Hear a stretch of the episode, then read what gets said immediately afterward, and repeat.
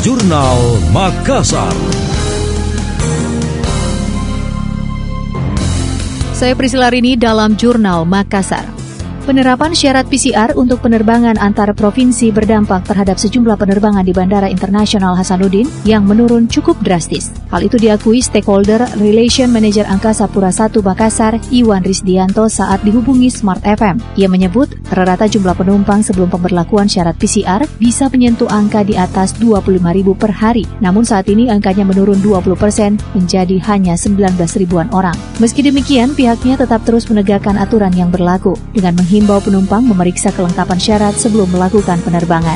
Terus terkait dengan wajib, memang di Bandara Sultan Hasanuddin mengalami penurunan sekitar sekitar 20 persenan nah dibandingkan sebelum-sebelumnya. Kami tetap melakukan upaya sosialisasi ke masyarakat terkait dengan daerah-daerah mana saja yang harus melakukan PCR gitu. Jadi hmm. sebelum berangkat, sebelum masuk ke bandara mereka sudah siap dengan dokumen-dokumen yang menjadi persyaratan melakukan perjalanan melalui pesawat udara.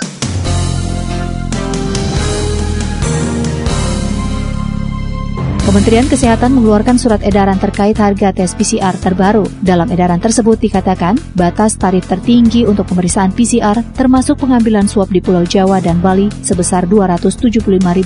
Sedangkan di luar Pulau Jawa dan Bali sebesar Rp300.000. Batas tarif tertinggi berlaku untuk masyarakat yang melakukan pemeriksaan RT-PCR mandiri. Anda tengah mendengar Jurnal Makassar. PT Pelabuhan Indonesia Persero Regional 4 mencatat aktivitas bongkar muat peti kemas di Makassar, Newport atau MNP terus bertumbuh. Dengan kedalaman kolam minus 16.0 mlws, MNP dapat melayani kapal-kapal besar. PMO Investasi Regional Head 4 PT Pelindo, Arwin mengatakan, tahun 2019 lalu aktivitas bongkar muat peti kemas di MNP mencapai total 98.000 teus lebih. Angka itu tercatat sejak tahap 1A diresmikan pada 2 November 2018 lalu. Kemudian di tahun 2020 tumbuh lagi menjadi 130 ribu teus lebih. Meningkat lagi menjadi 132 ribu teus pada posisi 30 September 2021 atau di triwulan ketiga tahun ini. Dia menyebut, dengan kedalaman kolam dermaga saat ini yang sudah minus 16.0 mlws, Makassar Newport memang dibangun untuk pelabuhan kelas.